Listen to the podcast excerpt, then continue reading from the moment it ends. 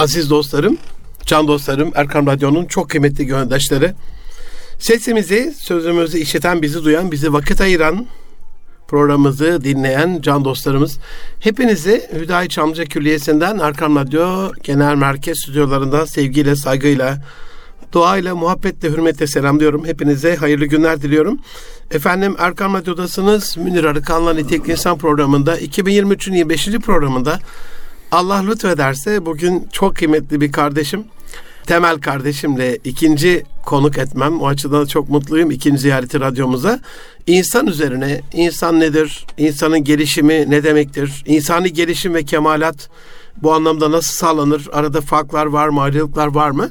Onun üzerine konuşacağız. Ahmetciğim hoş geldin. Sefalar getirdin. Hoş bulduk değerli abicim. Allah. Yeniden hoş geldin. Evet hani eyvallah ikinci, ikinci defa, defa oldu. Elhamdülillah. Birincisi biraz böyle uzaktan online gibi bir şey olmuştu. Ee, bunun şimdi bu şekilde olması El, çok güzel oldu. Elhamdülillah. Çok teşekkür ediyorum. Ahmet Temel şimdi İrfan hocamlar falan radyo girişte soruyor. Nurettin hocamlar, Adem hocamlar hani kardeşim mi kayınbiraderim mi falan yani biz kayınbiraderliği hiç kullanmadık ki yani kardeşten öte kardeş o anlamda Sema Hatun'un en küçük kardeşi. Son durumundan istersen Ahmetciğim sen bahset. Hı hı. Ahmet Temel kimdir? Eyvallah. Ee, Bismillah, elhamdülillah, ve salatu ve selamu ala Resulillah. Ahmet Temel 2004 e, İstanbul Üniversitesi İlahiyat Fakültesi mezunu. Aslında bundan önce bir sene öncesine kadar İstanbul Üniversitesi İlahiyat Fakültesi'nde yani mezun olduğum yerde Elhamdülillah. E, doçent doktor olarak İslam hukuku alanında ne akademisyen güzel. olarak görev yapmaktaydım. Şu an itibariyle hali hazırda Malezya'da Kuala Lumpur'da din hizmetleri müşaviri olarak görev yapıyorum. Şu anda bir kısa bir izin için buraya geldik. Hoş geldin. Elhamdülillah hoş bulduk. Gelmişken de davetinize icabet ederek Allah razı burada olsun. İnşallah konuşacağız. Hem kısıtlı bir vaktim var hem İstanbul'da hani bir yere gitmek, bir yere yetişmek, vakit ayırmak en önemli hazine yani o Hı. anlamda. Allah razı olsun. Başta validemiz olmak üzere Rabbim geçmişlerimize rahmet etsin. Üzerinde emeği Amin. olan Recep Hoca'yı anmadan olur mu şimdi? Evet. Bütün hocalarından, sende emeği olan dostlarından Allah razı olsun. Allah onların da ömürlerini bereketlendirsin. Amin inşallah. inşallah. Recep ha, Hoca'yı da burada ağırladık zaten. Burada, öyle mi? Gelmiş miydi hoca da? Evet. Recep hocamızla dün de beraberdik. Recep hocamızın bizim üzerimizde emeği çoktur. Onun gibi pek çok hocamız var. Daha önceki birkaç gün önce de Harun Hoca ile beraberdim. Harun baktı. Maşallah. E Recep hocamız da soyadını söyleyeyim de Recep, evet, Recep, Recep Kabakçı. olduğunu bilsinler evet, evet, yani. Doğru. Allah razı olsun. Hocamız, hocalarımız sağ olsunlar bizim üzerimizde çok emekleri var. İsmini zikretmediğim çok fazla Amenna. hocamın üzerinde Amenna. emeği var. Amenna. Allah hepsinden razı olsun. Amin. Ahmetciğim aslında sorularımın içinde bu yoktu ama hazır Hı. hani ayağının tozuyla Malezya'dan geldin. Hı. Gurbet, sıla, vatan, Türkiye'nin önemi. Hani Hı. o duygunla başlarsak oradan insana geleceğim. Tamam. Ne hissediyorsun şimdi? Bir ya, yıl tabii. ayrıydın vatandan evet. tekrar kısa bir süre buradasın. Tekrar gideceksin. Rabbim muinen olsun. Amin ayağına taş inşallah. değdirmesin inşallah. Tabii bizim için bizim için arz netice itibarıyla hepsi bir. Cenab-ı Hakk'ın arzı. Fakat vatan Türkiye'ye o coğrafyalardan bakışı bence biraz konuşmak lazım. Yani orada Türkiye kendisine bakılan, kendisine gıpta ile bakılan ve bir öncü ülke olarak kabul edilen yani Osmanlı bakiyesinin getirdiği bir şey var ve tabii ki mevcut e, konjonktürün mevcut durumun da çok önemli etkisi var. Dolayısıyla böyle bir tarafı var. Türkiye'nin bizim bu durumun bilincinde olmamız gerektiği kanaatindeyim. Yani biz de ümmetin ben, bize olan o bakışının nazarını. Ümmet şimdi ben yine geldikten sonra Filistin'e bir gitme fırsatı oldu. Bir, bir haftadan biraz da fazla bir süre uzun bir süre kaldık Yeni orada. Kudüs'ten geldin orayı da. Evet. Yani oradaki durum da aynı. Malezya'daki durum da aynı. Arakan'dan arkadaşlarla görüştük. Oradaki durum da aynı. Hepsi bir ümit kaynağı olarak bakıyorlar. İngiltere'de Şeriat Konseyi Başkanı bir hoca arkadaşımız bir yayın yaptı konuyla alakalı. Yani seçim gündemiyle alakalı bir yayın yaptı. Normalde pek anlam veremeyeceğiniz bir şeydir ama bir anlam var.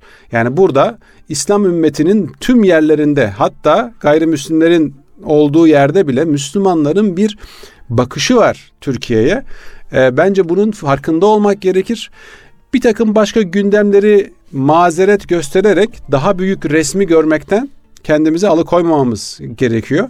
Amin. Bu anlamda çok önemli. E, bu bizim sahip olduğu, olduğumuz potansiyeli görmemiz ve buna göre adım atmamız gerekiyor. E, tabii burada hepimize bir şeyler düşüyor. Yani Amin. içinde bulunduğumuz ortam, durum, meslek, meşrep neyse her bulunduğumuz yerde bu potansiyeli aktive etmek için ne yapabiliriz? Bununla alakalı bir gündemimizin olması lazım, derdimizin olması lazım. Eğer bize böyle bakılıyorsa, bizim topraklarımıza, efendim burada görev almış, sorumluluk almış kişilere böyle bir şeyle bakılıyorsa bunun hakkını vermek için elimizden geleni yapmakla mükellefiz. Elhamdülillah. Tam oradan şimdi giriş sorusuna da bağlayayım tevafuk oldu. İnsan kimdir? Hani o bakışın, nazarın olduğu herhalde bir kara parçası olarak Türkiye'ye bakılmıyor. Buradaki bizim ecdadımızdan kaynaklanan vasıflarla, hasletlerle bizim liderlik vasfımız, adalet vasfımız, dünyayı imar edişimiz, ihya edişimiz, iyi yönetişimiz gibi gibi o hasletlere bakılıyor. İnsan kimdir Ahmetciğim? İnsan nedir, necedir? Değeri nereden gelir insanın? Öyle başlayalım istedim. Eyvallah. Şimdi abi insan malum insan kök itibarıyla birkaç tane etimolojik kökeniyle alakalı bir şey e, iddia vardır. Bir tanesi ve daha baskın olanı beşer topluluğu demek. Ins. Ins beşer topluluğu demek. Bu anlamda böyle biyolojik olarak bir farklı bir türe işaret ediyor burası sadece. Beşer olarak bir biyolojik tür. Fakat iki başka iddia var. Bir tanesi nisyanla ilişkisi, bir tanesi de ünsiyetle ilişkisi. Eyvallah. İkisinin de insan kavramı üzerinde çok etkisi var. Nisyan insanın unutkanlığına işte bir rivayete göre ezelde verdiği söze, ahde unutkanlığına işaret ederek konulmuş bir şey. Ünsiyette malum insan sosyal bir varlık. Amin. Ee, belki daha ilerleyen vakitlerde yine devam edeceğiz aynı konu üzerinde konuşmaya. Yani ünsiyet yani sosyal varlık olma, toplumsal bir varlık e, olma kişinin olgunlaşması için, kemalatı için olmazsa olmaz bir şey. Yani bir insan düşünelim. Bir mağarada hayatını geçirsin. Orada zikirle iştigal etsin, ibadetle iştigal etsin. Yani bütün vakti böyle geçsin. Bu insanın olgunlaşması Cenab-ı Hakk'ın en azından ifade rızasının olduğu şekliyle, ifade ettiği şekliyle olgunlaşması mümkün değil. Yani bir toplum içerisinde olacak. Bu neyle Eyvallah. olacak? Bu da ünsiyet sağlamakla olacak. İnsanın değeri aslında bu iki şeyden geliyor diyebiliriz. Yani insan şu anda bir varlık alemine efendim pek çok felsefecinin de ifade ettiği şekliyle atılmış bir vaziyetteyiz biz. Şu, şu anda buradayız. Kendi irademiz ve rızamız olmaksızın buradayız. Bir yolculuk halindeyiz ve bu yolculuğu en uygun, en iyi bir şekilde değerlendirip değerlendirmeyeceğimiz. Yani ayet-i kerimelerde ifade edildiği üzere hangimizin daha iyi Amin amel ya. edip etmeyeceği ile alakalı bir imtihanı veriyoruz, bir sınav veriyoruz. Bu sınavda o halde neyi unutmamamız lazım? Bir, verdiğimiz ahdi unutmamamız lazım. Yani Rabbimizi, Rabbimiz karşısındaki varlık alemindeki konumumuzu, Eyvallah. acziyeti temele merkeze alan konumumuzu ahiret merkezli bir dünya tasavvuru içerisinde yaşamamız gerektiğini, bunları unutmamamız gerekiyor. Bir, değerimiz buradan. İkincisi de Eyvallah. bu olgunlaşma, bu tekamül sürecinin doğrudan doğruya ünsiyetle gerçekleşeceğini, başka insanlarla olan ilişkimizde bazen zaaflarımızı göreceğimiz, bazen belki o, o daha olgunlaşmış taraflarımızı daha ileriye götürme imkanı bulacağımız ilişkilerle bu gerçekleşecek. Dolayısıyla bu ünsiyeti de doğru bir şekilde kurmamız gerekiyor. Cenab-ı Hak bu ilişkiler yani şöyle bir baktığımızda vahyin bütününe baktığımızda bir kişilik inşası istiyor Cenab-ı Hak bizden. Bize bir hamur veriyor tabiri caizse. Bu hamurun içerisinde çok çeşitli potansiyeller var. Bunu nasıl işleyeceğimiz bize bırakılıyor. Yani hangi yola gideceğimiz, hangi iradeyi e, gerçekleştireceğimiz bu bize bırakılmış biraz.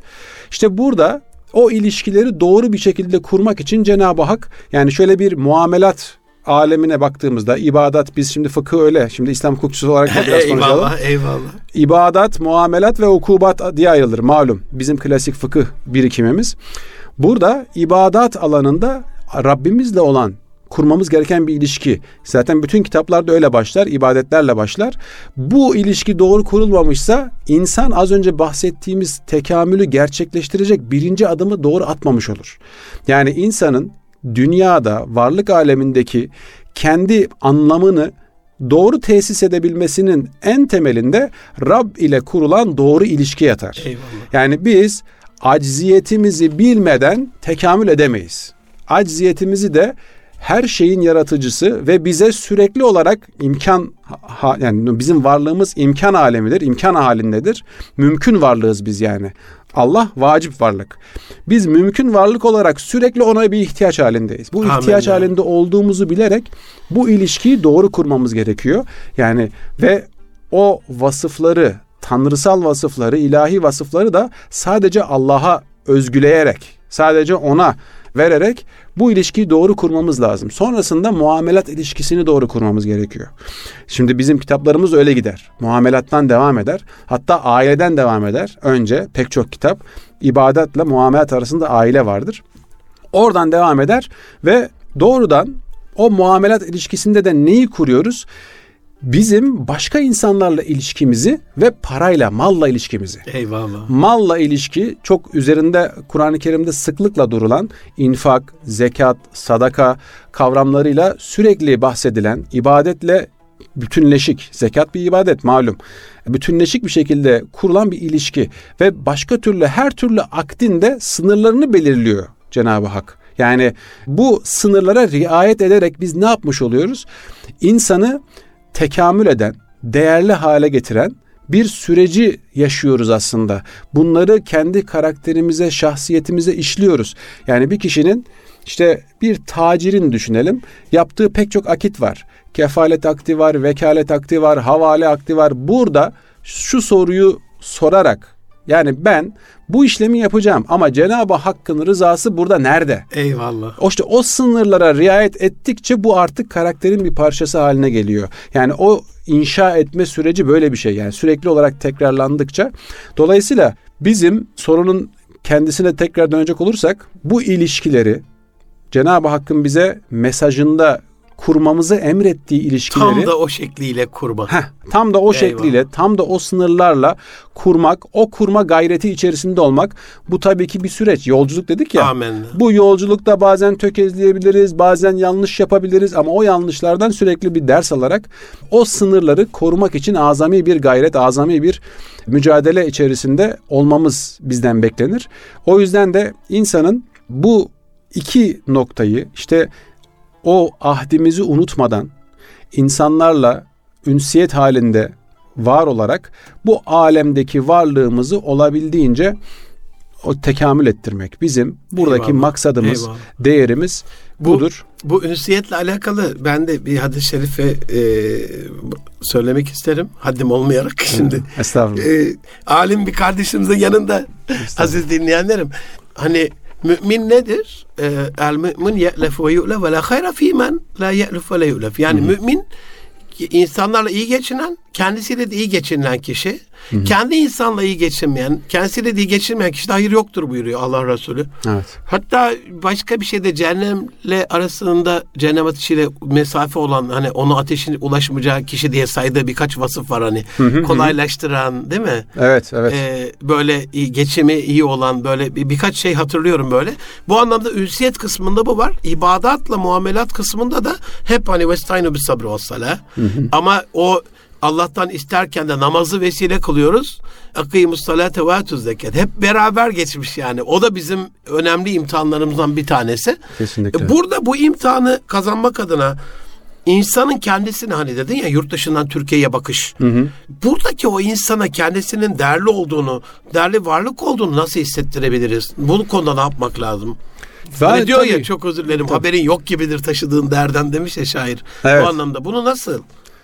Yani burada tabii insanın evvela biz tabii her ne kadar ünsiyet e, kesbeden, e, sosyal varlık olan e, insanlarsak da burada bir bireyselliğimiz var ve bu bireyselliğin akıl ve irade ile doğru bir şekilde kullanılması. Yani tekamül dediğimiz süreç de böyle gerçekleşen bir süreç ya. Yani bu iradeyi ve aklımızı doğru yola kanalize ederek ama bunu biz nasıl yapıyoruz? Bir birey olarak yapıyoruz. Yani biz sosyal varlık olurken bir taraftan da bireyselliğimizi kaybetmememiz, bunun bunun da bilincinde olmamız lazım.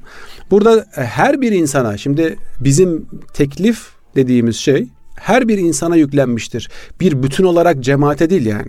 Biz bir birey olarak Ferden fert, her ferden insan- fert her insan belli sorumlulukları vardır.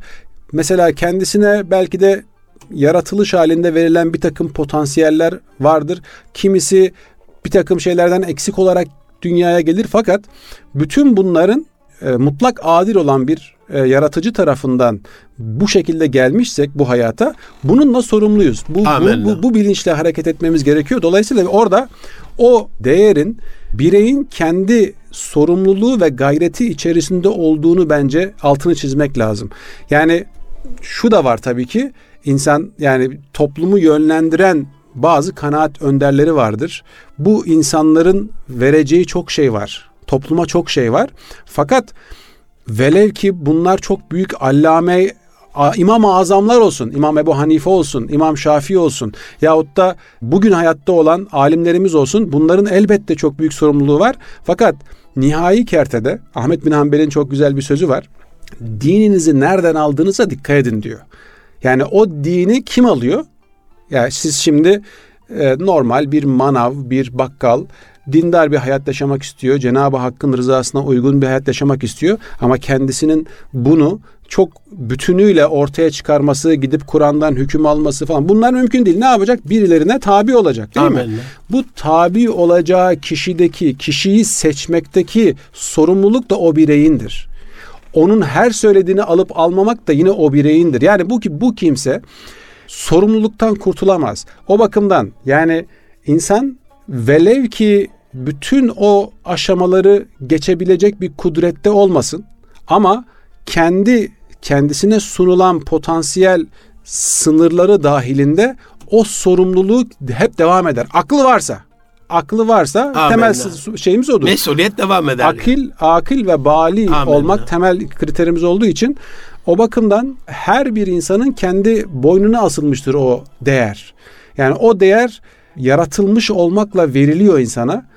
Akıl sahibi de edilmişse o zaman diyor ki Cenab-ı Hak tamam sen artık mükellefsin.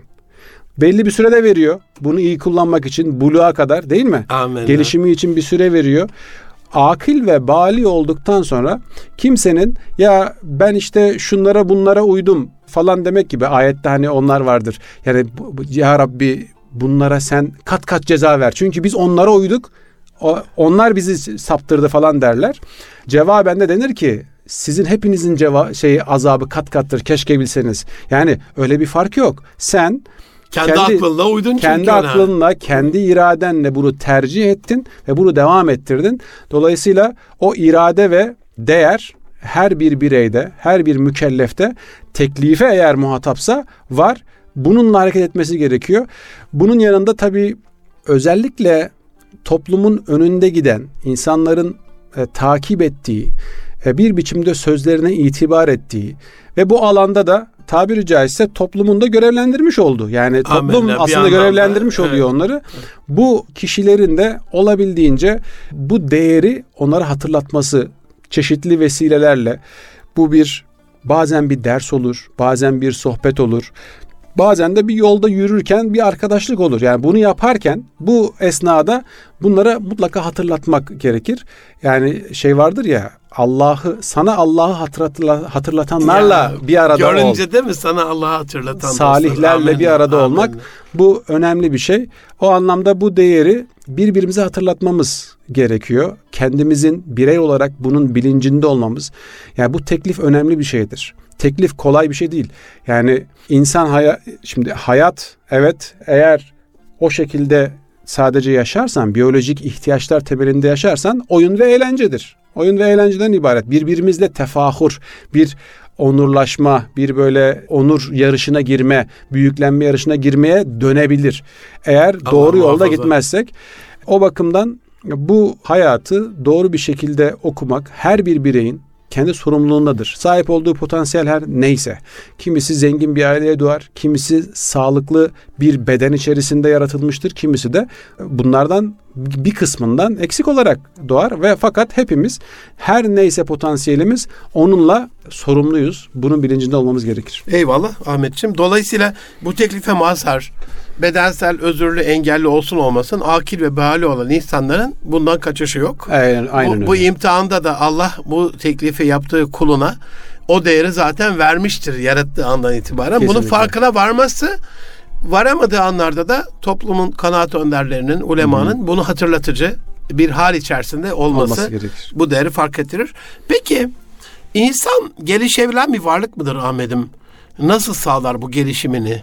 Yani baktığımız zaman bazen oluyor hani benden bir köy kasaba olmaz. Ya da bazen toplu söyleniyor bizden bir halt olmaz falan gibi ümitsizlik durum içinde.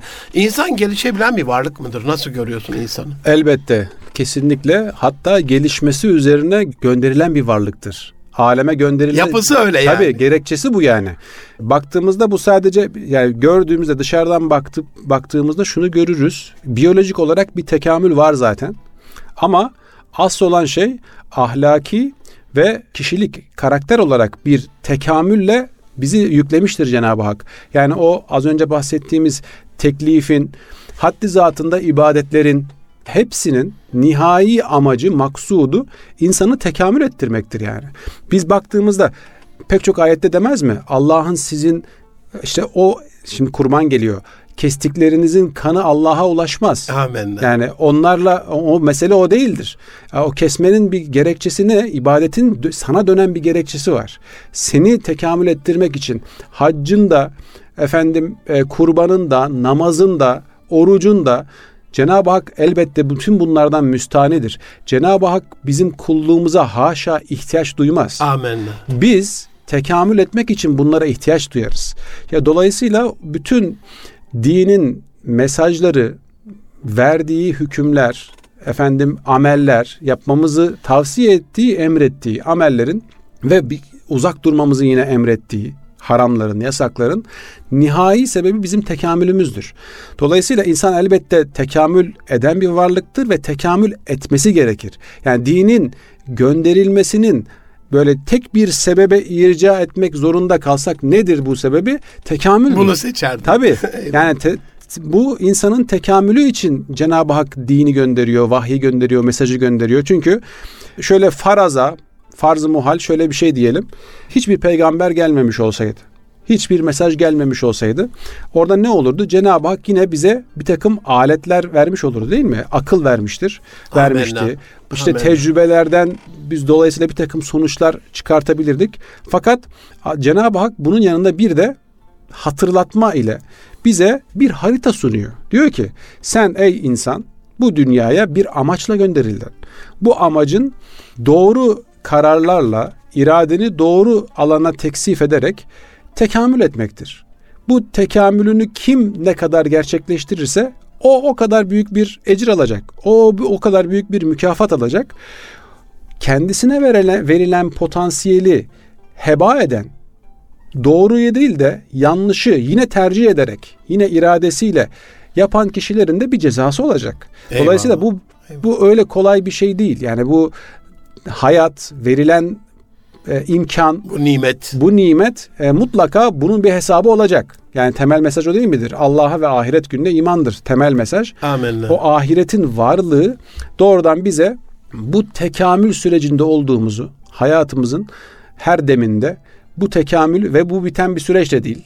Çünkü insanı kamil dediğimiz şey mükemmel demek değil. Yani insanı kamil o süreci hep devam ettiren insanlar. Eyvallah. Ölene kadar, son nefese kadar netice itibariyle bütün mükemmel vasıflar sadece Allah'a ait olduğundan dolayı Amin. insanın bu süreci hiç bitmez. Hep devam eder. Burada şey hani liyebluvekum eyküm ahsana amele senin o dedin ilk baştaki hani hangimizin işlerin daha iyisini yapacağı, en iyisini yapacağı. Hani sporcuları düşünelim. Bu bir yarışsa hani Naim Süleymanoğlu diyelim işte ilk başta herhalde 187 buçuk kaldırmadı yani.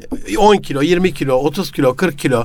Ya da Usain Bolt koşarken 100 metreyi 10 saniyenin altında ilk koştuğunda dü- belki yap, yapamadı onu. 11-12 saniye. Ama 7 saniye düşürene kadar ya da Sergey Bubka işte uzun atlamada, sırıkla atlamada. Yani geçen seneki skor nasıl sporda kabul edilmiyorsa ya da bir öğrenci de mesela hep vasat bir öğrenci ya artık bilgiliyorsun, bilgilisin. Biraz daha bir şeyler falan beklenir. Herhalde bu dinde de böyle. Allah daha iyisini bekliyor. Bir de içte bir hani bir nasıl söyleyeyim bir yanıklık oluyor. Yani daha iyisini yapabilecekken niye hani yetinsin ki insan? O iç huzur için de buna muhtaç. Bir de o setupta Ahmet'im hani Tanrı'ya inanç gene bulundu diye ateist bir biyolog şey yaptı ya genetik anlamda. İçerideki o kurgu harita verilmiş ama diyelim hiçbir şansın olmadı, ulaşamadın, şu olmadı, bu olmadı ama yine İbrahim'i bir inançla Allah'a ulaşacak setup da içeride var. Hanif bir şekilde. Hanif evet. bir şekilde. Dolayısıyla bu e, şeyden kurtuluş yok. Aziz dostlarım, kardeşten öte kardeşim, kayınbiraderim Ahmet Temel kardeşimle beraberiz. İnsanı konuşuyoruz. Kısa bir ara vereceğim. Az sonra yeniden birlikte olmak üzere. Huzur bulacağınız ve huzurla dinleyeceğiniz bir frekans. Erkam Radyo, Kalbin Sesi. Aziz dostlarım, can dostlarım, bendeniz Münir Arıkan, Erkam Radyo'da Nitelik İnsan programında 2023'ün 25. programın ikinci yarısında kardeşim Ahmet Temel'le sohbetimize, insana dair hoş sohbetimize devam ediyoruz. Ahmet'im, senin birçok da yurt dışı tecrüben var. İnsanı konuşuyoruz. Doktoranda özellikle Amerika'da, şu anda Malezya'da din işleri müşaviri olarak görev yapıyorsun. E, Burada hani dışarıdan bakış girizgahta biraz bahsettik ama insana dair temel gözlemlerin neler? Bizdeki insan, yurt dışındaki insan, Amerika'daki insan, Malezya'daki insan hani bayağı bir küresel şeyde farklı bölgelerde bulunan bir insan olarak ne dersin? Nasıl görünüyor insan senin gözünden? Şöyle bu dönem itibariyle içinde yaşadığımız tarih zaman dilimi itibarıyla bizim en büyük imtihanımızın dünyevileşme olduğu kanaatindeyim. Bunu gittiğim bulunduğum her yerde azıyla çoğuyla e, gözlemleme imkanım oldu. Bu dünyevileşme dediğimiz şey batıda da doğuda da Müslümanların hepsinin bir şekilde düçar olduğu bir süreç. Dünyevileşme, sekülerleşme. Bu hatta İslam toplumlarında biraz da zoraki bir süreç olarak son yüzyılda gerçekleşti. Bu bakımdan bir dünyevileşme problemimiz var. Allah Resulü'nün bizle ilgili korktuğu şeyden bahsediyoruz değil mi? Aynen öyle. Yani aslında Allah Resulü'nün İslam ile getirdiği, vahiy ile getirdiği mesajın e, temel karakteri nedir diye bir şey sorsak ahiret merkezli, ahiret merkezli bir e, dünya tasavvuru verir bize. Bu en temel mesajlardan bir tanesidir. Bu tasavvur neyi verir? İşte az önce girişte bahsettiğimiz ekseni doğru kurmak için, Eyvallah. merkezde neyin olduğunu hatırlamak için işte Rabbin olması, ahiretin varlığının olması bu anlamda bizim için geri kalan hayatımızda önemli. Rotayı doğru çizmek için olmazsa olmaz bir şeydir. Fakat Batı'da, Amerika'da bulunduğum yerde de e, bu şu an itibariyle Malezya'da bulunduğum yerde de bunun etkilerini görebiliyorum. Bu dünyevileşme. Türkiye'de de zaten görüyoruz. Onu da görüyoruz. Şöyle bir karşılaştırma yapsak Batı'da tabii senin alanına giriyor abi biraz ama Estağfurullah, bir estağfurullah. şey vardı. Kimdi hatırlamıyorum onu da belki sen daha iyi hatırlarsın. Kişisel gelişimci. Der ki e, borcunuza sadık kalın. Çünkü uzun vadede bu size çıkar kazan, menfaat kazandırır. Niye? O öyle bakıyor yani. Aynen ya diyor ki borcunu zamanında ödersen ne olur? Daha sonra bu kişi sana yine borç ihtiyacı olduğunda borç verir. Daha çok verir. Daha çok İhtiyacını kredi daha iyi açarsın. görürsün falan. Daha iyi görürsün. Yani dü- şey dünyada. Rota dünya yani. Ve fakat bu dünya olmasına rağmen ne yapıyor? Yine oraya doğru daha iyiye gitmek üzere bir şey var. Bir mindset var yani kafasında böyle bir algı var. Bununla bununla alakalı bir çabası var. Bunu en iyi şekilde gerçekleştirmek için dünyadaki konforunu, dünyadaki hayatını doğru bir şekilde gerçekleştirmek için, e, rahat bir şekilde gerçekleştirmek için bir mücadele halinde Cenab-ı Hak bize başka bir görev veriyor. Asıl olanın ahiret olduğunu ve ahireti güzelleştirmek için dünyada çabalaman gerektiğini söylüyor. Yani biz dünyadaki diyelim ki bir insan hayatı maksimum şu an itibariyle 100 yıl olsun. 100 yılın belki de sadece 20 yılını rahat geçirmek için bir ömür tüketiyorsun ya. O 20 yıl yerine Cenab-ı Hak sana diyor ki bir sonsuzluk var. Bir sonsuzluk var. O sonsuzluk için mücadele edeceksin. Mücadele etmen gerekir. İşte Müslümanların bizim işte Osmanlı'nın sanayi devrimini takip edememesiyle eleştirilmesinin arka planında aslında Osmanlı'nın ahiret merkezli olması önemli bir sebeptir. Yani İslam dünyasının ahiret merkezli olmasının önemli bir etkisi var burada. Çok güzel bir örnek hatırladım. Özür diliyorum lafını Hı, kestiğim için. Kuru kahveci Mehmet Efendi'nin dedesi mesela Öğleye kadar çalışıyor. Yeter diyor bu kadar. Kapatıyor gidiyor dükkanı. Kardeşim dünya devi olsana. Kafeler kursana falan. Öyle değil. Tabii. Yetinme. Tasadduk, kanaat falan. Ahilikte işte biz siftahımızı yaptık. Komşumuza gidin oradan oraya alın. gitsin. Dünya Yani- hırsı yok yani. Çaba var ama hırs değil. Yani bu e, dünyadaki yaptığımız çabanın hedefi var. Hedefi var. Hedefi Ve ahiret. o ebediyet. Aynen öyle. Ebediyet, Cenab-ı Hakk'ın rızası. Rıza. Bu olduktan sonra, bu doğru yerleştikten sonra dünyada yaptığımız şey anlamlı bir çabaya dönüşüyor. O bakımdan Malezya'da mesela biz o şeyi görmüyoruz. Yani o batıda gördüğüm hırsın aynısı orada yok. O hırsla hareket edilmiyor. Bunun tabii pek çok başka gerekçesi olabilir. İklimin getirdiği vesaire pek çok ya da tarihi, kültürel o bir sömürge olma vesaire pek çok etkisi var. Çok değişken var. Fakat İslam dünyasında da bizim şu anda devam eden, bizim için devam eden bir dünyevileşme süreci var, tehlikesi var. Bu zaten üstten alta bir şekilde e, devlet idarelerinde yeterince yapıldı. Pek çok alanda e, yapıldı bu zaten. Dünyevileşme gerçekleşti. İnsanların şu anda hayatlarında bu gerçekleşiyor. Bireysel Yani hayatı bireysel- artık kuşatmış durumda. Siyaset değil sadece. Şu anda sosyal hayatı kuşatmaya başladı. Bizim bu tehlikenin farkında olmamız lazım. Yani bizim kendimizi, nesillerimizi bu tehlikeye karşı e, ahiret bilinciyle, ahireti merkeze alan bir dünya tasavvuruyla yetiştirmemiz e, gerekiyor. O bakımdan burada bir karşılaştırma yapacak olursak yani Batı insanının gelişimden anladığı şey yani çok klişe bir şey olmasın böyle batı insanı tek bir tipte değil tabii ki ama amin. yani bir Ama genel genelleştirme mantaliteyi yapmamız kast- gerekiyor. Bir genelleştirme aynen. yapmamız gerekirse burada batı insanının e, dünya merkezli bir dünya hayatı var. Dünya merkezli Bütün kazanç dünya içindir ve burada harcarsın. velev ki ama enteresandır Max Weber'in e, anlatımıyla protestan ahlakı aslında kapitalizmin önemli bir şeyidir lokomotifidir. Yani onun sayesinde gerçekleşmiştir ve onun kökeninde aslında şey yoktur. Rahat ve konfor yoktur. Oradaki maksat şudur. Biz ne kadar zenginleşirsek, ne kadar rahata erersek, Refaha erersek, refaha aynen. erersek o kadar Cenab-ı Hakk'ın önünde demek ki razı, bizden razı olduğunu anlarız gibi bir mantık vardır. Ama bu dönüşmüştür batıda. Şu anda böyle değildir yani. Şu anda e, ki bakış tamamen dünya merkezlidir. Dünya merkezli olmaktır. O da dönüştü yani. Batıda da insan dönüşümü gerçekleşti. Bu da bir başka bir bahsin konusu. Çok derin bir araştırmanın konusu. Doğuda ve Müslüman dünyasında ise bu yeni yap- yapılıyor, yeni oluyor, bu gerçekleşiyor. Tepeden inme siyasette çok gerçekleşti fakat sosyal ve birey olarak Müslümanların hayat tasavvurunda bu daha yeni yeni gerçekleşen e, bir şey. Buna karşı dikkatli olmamız gerekiyor. Bizim nitelikli insandan anladığımız şey dünyasını ahireti için mamur eden insan. Dünyasını ahireti için mamur eden. Yani bizim ahiret e, hedefimiz daima öndedir Amenna. daima öndedir.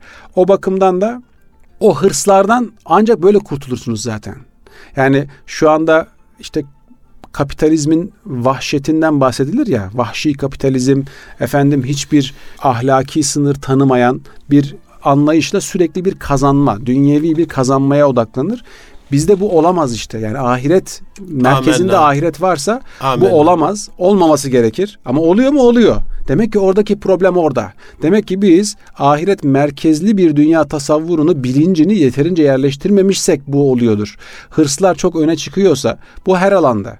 Sosyal hayatın her alanında olabilecek bir şey. Hırslar varsa önde, çok belirgin bir şekilde görülüyorsa bu tasavvurda bir problem vardır. Ahiret tasavvurunda bir problem vardır. Peygamber Efendimiz diyor ya işte bir hırsız hırsızlığı yaparken mümin değildir.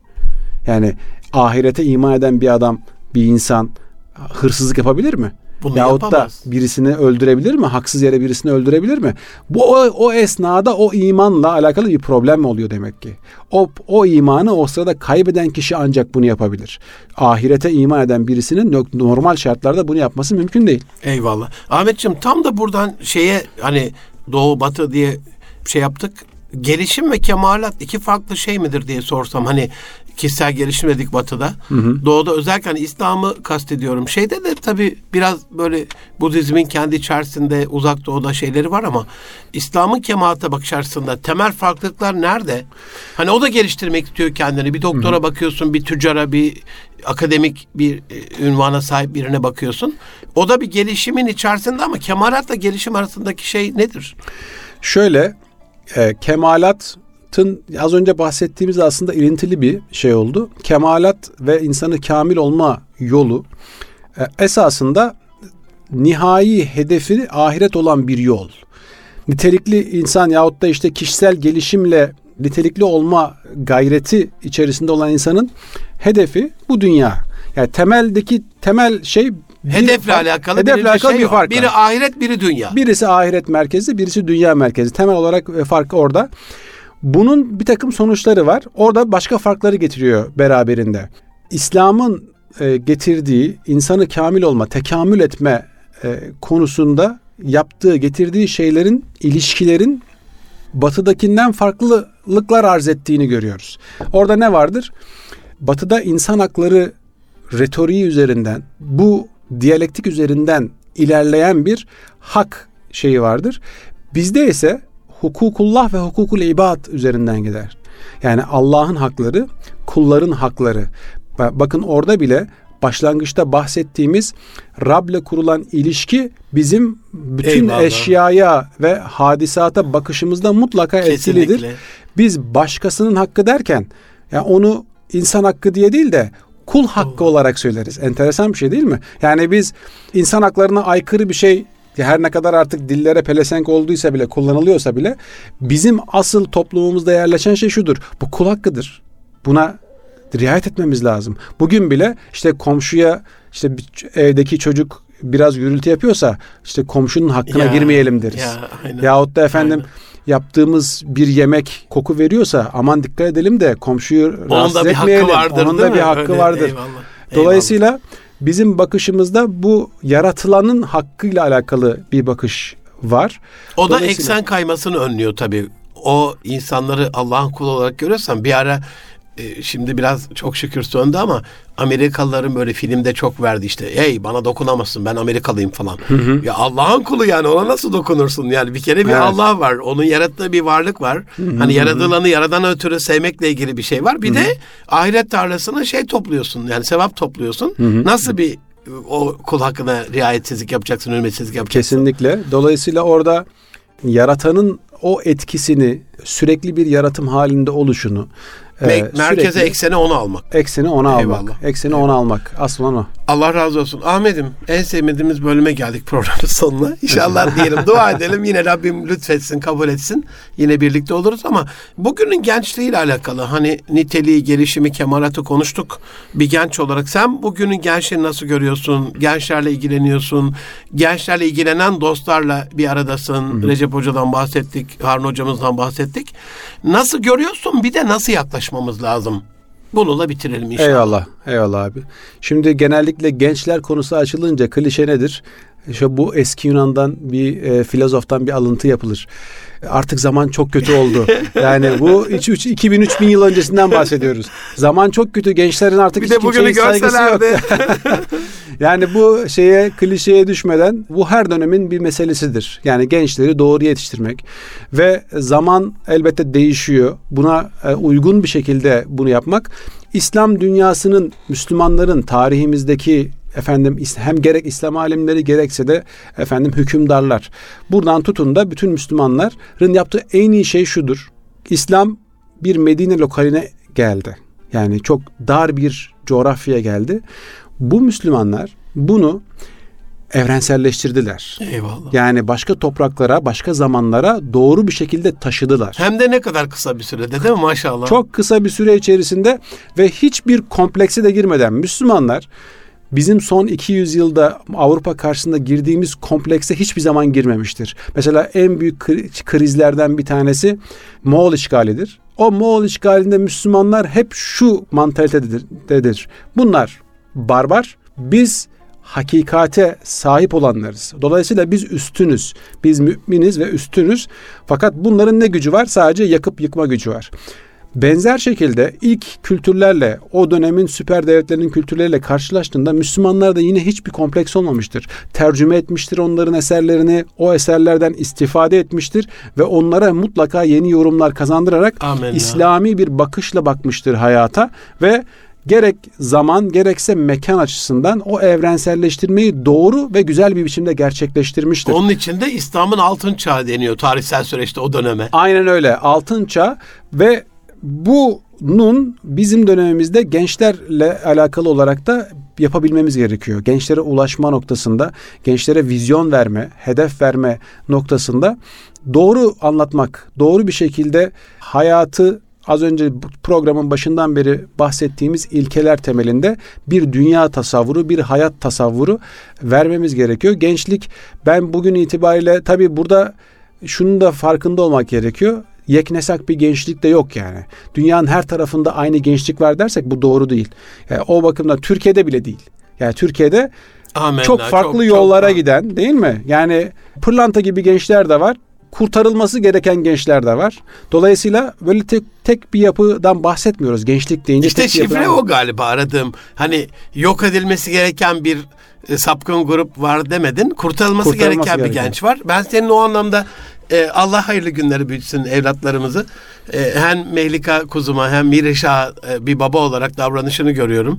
E, ilahiyattayken öğrencilerinle olan o bir de uluslararası öğrencilerin de vardı yani Hı-hı. farklı coğrafyalardan. Onların sana olan hürmeti, iletişimi, orada kurduğun bağ. Sen neye dikkat ediyorsun Ahmetciğim? Öyle bitirelim. Şöyle. Ne, bu iletişimde, bu ilişkide neye dikkat et? Neyi önceliyorsun? Evet. Yani bizim baştan beri söylediğimiz gibi bütün o ilişkilerde evvela sorması gereken bir müminin sorusu Cenab-ı Hakk'ın rızası nerede? Yani ee, çocuğu yetiştirirken de bu böyle, gençlerle olan iletişimde de bu böyle. Biz ben asla e, okulda, fakültedeyken de ya burada benim yapmam gereken şeyler vardır. İşte öğrenci görüşme saatleri vardır. E, o saatler haftada bir saat, iki saat yapman gereken şeyler ben hiç ona ondan dolayı onu yapmam gerekir diye düşünerek yapmadım hiçbir zaman. Bazen bir kafeye gittim oturdum çocuklar şey, güzel, gençlerle. Efendim bazen odama geldiler. Öncesinde işte sadece bir takım kurallar belirliyorsun. De, diyorsun ki işte mutlaka bir ara. Ben işte dersim ne zaman dedi vesaire değil. Amin. Ama onu yaptıktan sonra öğrencilerimizle de kendi çocuklarımla da kurduğum ilişkide olabildiğince olumlu nasıl etki edebilirim? Olumlu onun bir problemini nasıl daha hafifletebilirim hayatında? Yani bu yük alma meselesi önemli bir şey. Yani Kesinlikle. Çünkü hepimizin yükleri var, hepimizin ağırlıkları var. Onlardan olabildiğince e, almak için gayret etmemiz gerekiyor. Hani e, iman 70 şubedir ve bir tanesi de yoldaki bir eza veren eyvallah, bir taşı almaktır eyvallah. ya. Yani yoldan bile o ezayı alıyorsak gençlerden de çocuklarımızdan da o ezayı olabildiğince alarak Ki bazen onların kariyer yollarında bir taş oluyor. Bir zihinsel bir engel oluyor değil mi? O da tabii, asıl tabii. o aldığın taştan daha önemli bir taş olsa gerek. Çok önemli. Tecrübeler o anlamda çok önemli. Yani o yüzden bizim de büyüklerimizden aldığımız tecrübeler yani belki de yüzlerce sayfa kitap okursunuz ama o bir tek cümle kesinlikle, sizin kesinlikle. zamanınızı, bütün zamanınızı kurtarır. Yani 10 yıllar vereceğiniz bir problemi çözmenize sebep olur. Bu anlamda hem bizim kendimize de söylüyorum hem de gençlerin de buna açık olması önemli.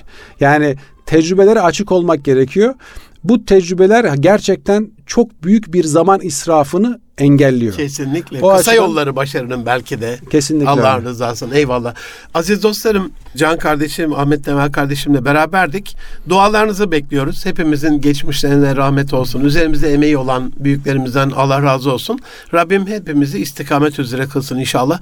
Gelecek hafta bir başka konu bir başka konukla buluşunca kadar Allah'a emanet olun. Ahmetciğim sana yeniden çok çok teşekkür ediyorum. Ben çok teşekkür ederim ee, davet için. Bayramda evet. yeniden seni Malezya'ya yollayacağız. Rabbim muhidin olsun. O gurbet ellerde de muvaffak kılsın inşallah istikametçide kılsın. Çok teşekkür ederim. Ben de bütün dinleyicilerin bayramını şimdiden tebrik ediyorum. Eyvallah. Cenab-ı Allah Hak ayaklarımızı e, sırat-ı mustakim üzere sabit kılsın inşallah. Amin. Allah razı olsun. Hayırlı günler efendim.